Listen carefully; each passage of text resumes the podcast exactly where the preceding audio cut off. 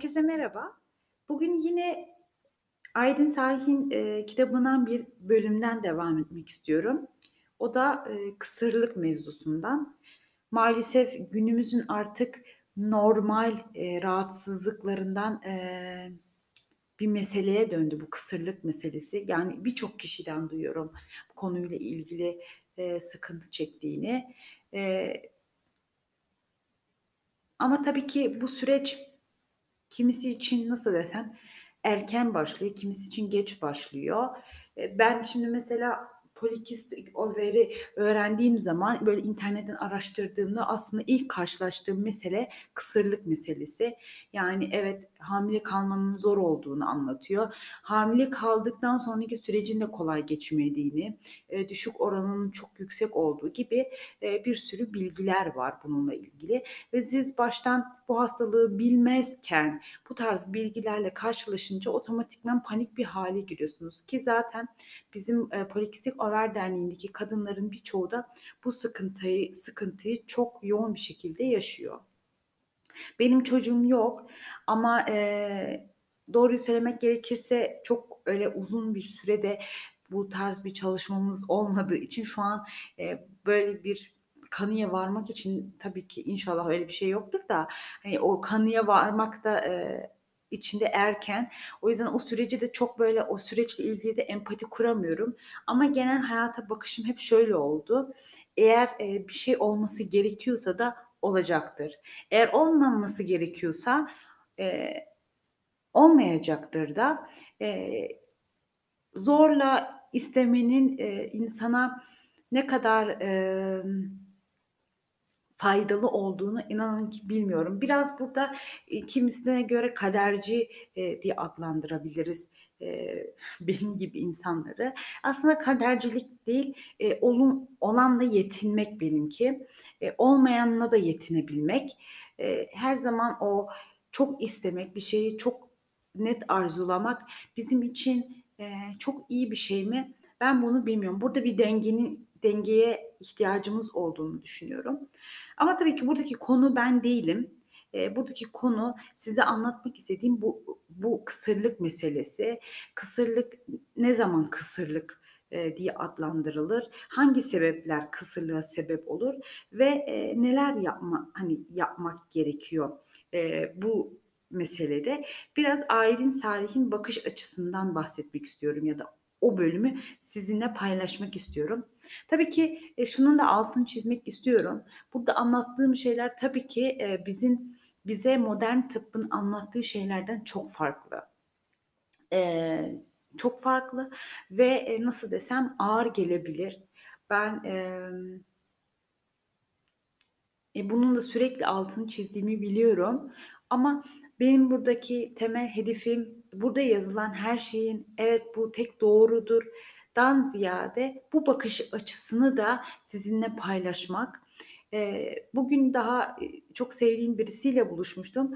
Bu konular hakkında konuşuyorduk ve şöyle de bir mesele var, yani, ben mesela Aydın Salih'i çok seviyorum. İsterim ki onun kitabındaki, eee, gibi yaşayayım bazı şeyleri ama o kitaptaki gibi yaşayabilecek altyapıyı sağlayacak bir sistemimiz maalesef yok. Hayır, sistem yok, kendim uğraşayım diyeceğim ama bu süreci destekleyebilecek etrafımda insanlar da yok. Yani, şöyle söyleyeyim, eğer gerçekten bir gün Allah nasip ederse çocuğum olursa, eee, çok net düşünüyorum, yani, evde kendi başıma acaba doğurabilir miyim diye. Yani, düşünüyorsunuz ama herhangi bir komplikasyon olursa ne olur? Ama bizim şu anki o modern tıptaki anlayışımız buna şu an çok uzak. Evet, evde doğum olabiliyor ama ona uygun da bir ebe olması lazım ve ebeler de maalesef, eee, nasıl desem, şu an mesela size anlattığım şekildeki tarzı da desteklemiyorlar. Hani, bunu da bilmek çok önemli. Eee, çok tuhaf ama, eee, çok kısa bir zaman öncesine kadar bu tarz şeyler de çok normaldi. Mesela benim eşim evde doğdu. Bildiğiniz evde doğdu. Hiçbir, hani, bir ebe vardı. Evet, geldi, doğurtturdu. Eee, gayet normal. Böyle, hani, doğum çok böyle ekstra bir olay değildi yani. Evet, vakti geldi mi doğurayım mı? Tamam ve doğuyordu bebek ama gelin görün ki bugün, eee, çok önceden planlanıyor. Kimisi sezaryeni baştan tercih ediyor, kimisi doğumu doğması gereken günü baştan seçiyor. Burca göre e, doğum yapanlar var. Yani artık e, doğum meselesi o kadar başka bir şeye doğru evrildi ki o eskiden o normal olan şey bugün için e, çok böyle uçuk şeyler gibi gelebiliyor. Çok zor. Evet bir yandan düz öze dönmek istiyoruz. Öze bakıyoruz. Bugünkü sistemde ne kadar o öze dönmek mümkün bilmiyoruz. Hadi onu da geçtim. E, nasıl desem artık doğumlarında maalesef riskli bir yanı da var. Çünkü e, hepimiz bazı sıkıntılar yaşıyoruz. Yediğimiz gıdalarla birlikte, yaşadığımız hayat tarzlarıyla birlikte. E, bu da tabii ki bazı hastalıkların risklerini arttırıyor. E, bu, bununla da birlikte e, süreç doğum olarak tabii ki daha komplike bir hale geliyor. Bu nedenle yine altını çizmek istiyorum. Yani hamilelik dönemi evet çok önemli ama hamilelikten önceki süreçte hem anne hem baba için çok önemli. Hamileliğe hazırlanmak çok mühim. Eğer e, bu hazırlığı vaktinde yapmazsanız evet o zaman süreç daha yokuşlu e, geçiyor. Benim bu okuduğum kitaptan e, ya da kitaplardan edindiğim mesele aslında ya da temel felsefe bu.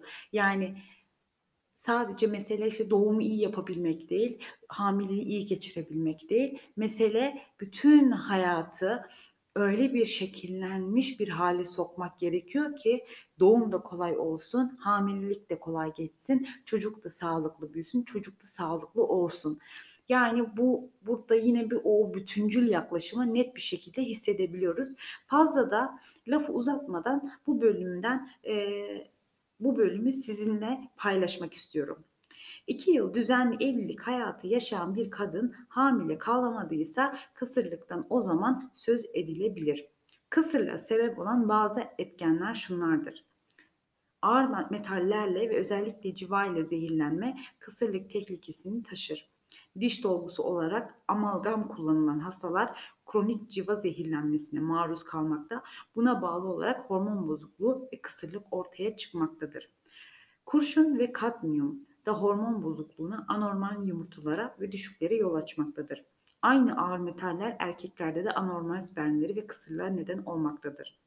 Ziraatta kullanılan hormonlar, hastalıklara ve parazitlere karşı kullanılan ilaçlar, tuvalet, banyo temizlik malzemeleri, bulaşık deterjanları, vücut bakımında ve makyajında kullanılan malzemeler östrojen hormonuna benzeyen madde içerdiği için kadınlara hormon dengesizliği ve kısırlığa neden olabilir.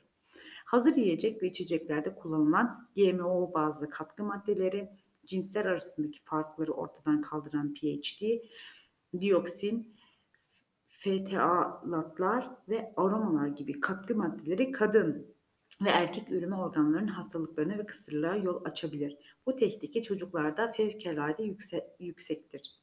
İlk hamileliğinde kürtaj geçiren kadınların çoğunda rahim içini kaplayan endometriyumdaki damar tıkanıklığı ve kan dolaşım bozukluğu kısırlığa yol açmaktadır. Fazla kilolu kadınlara vajina, rahim ağzı ve tüplerindeki yağ, spermleri fiziki yol kapatılabilmektedir. Aşırı akıntı bilhassa yakıcı akıntı spermlerin hareketini yavaşlatır ve spermayı dışarı akıtır. Bu durumda hamileliğe engel olabilir. Kısır kadınların yaklaşık %60'ında farklı düzeylerde endometriosis bulunmaktadır. Ağrılı adet kanamaları bölümüne bakınız e, ki bu polikistik overde de çok yaygın bir meseledir. Hamileliği engelleyen sebeplerin belirtileri. Gözler bulanıksa, göz kapakları şişmişse ve baldırların arka kısmında ağrılar varsa, böbrekler ve idrar yollarında, alt çenede alt dudağın tam altında devamlı kırmızı leke, leke veya sivilce varsa rahim pozisyonunda. Ön alt dişlerin ortadaki dört tanesinde bozulma ve diş etlerinin çekilme varsa rahim ve yumurtalıklarında hamileliği engelleyen çeşitli sebepler var demektir. Kürtaj sonucu veya başka bir sebeple rahim içini kaplayan endometriyumda damar bozukluğu veya tıkanıklık ya da kısırlığa sebep olacak derecede endometriosis e, olup olmadığını tespit etmek için vajinaya hafif ezilmiş bir dış sarımsak koyulur. Enteresan. Neyse devam okuyorum. Kadın sarımsağın tadını ağzında ve kokusunu burnunda hissederse problem rahimde değil demektir. Hissetmezse rahimde sarımsağın tadını ve kokusunu değiştiren zehirli bir madde olduğunu, rahim damarlarında tıkanıklar oluştuğunu ve rahimdeki kan dolaşımının bozulduğunu gösterir. Yukarıda kısırla sebep olarak gösterilen bütün problemler burada anlatılan tedaviyle çözülebilir. Gerçek kısırlık ise yaratılıştandır, o kimsenin kaderidir. Aşılama ve tüp bebek gibi herhangi bir yöntemle müdahale etmek Allah'a isyandır. Israrla isteyene Allah kahırla verir diye bir de hadisi şerif varmış. Böylelikle de bu bölüm anlatılmış oluyor ki evet yani o benim hani başta söz ettiğim o zor zorlama meselesi. E, ben de yani benim genel hayata bakış açım da biraz böyledir. Çok böyle zorla istemem. Bu istem bu istememek anlamına da gelmiyor. Ama eğer olacaksa da e, olması da gerekiyorsa da olacaksa da e, olacaktır. E, ama her zaman içimizi bu konularda ferah tutmamız lazım. Hem anne hem baba tarafı tabii ki. E, çünkü e, ne kadar e, bir birleşmeden de bahsedilirse iki kişinin birleşmesinden meydana gelen bir, bir mesele bu. E, o yüzden her zaman içinizi ferah tutun. E, Allah inşallah isteyen e, herkese e, sağlıklı, güzel, ahlaklı, vicdanlı, merhametli, e, iyi bir evlat nasip eder. Evet, burada da bitirmek istiyorum bölümü. Umarım yine çok ağır olmayan ama faydalı bir bölüm olmuştur sizin için. Kendinize çok iyi bakın. Sağlıcakla kalın.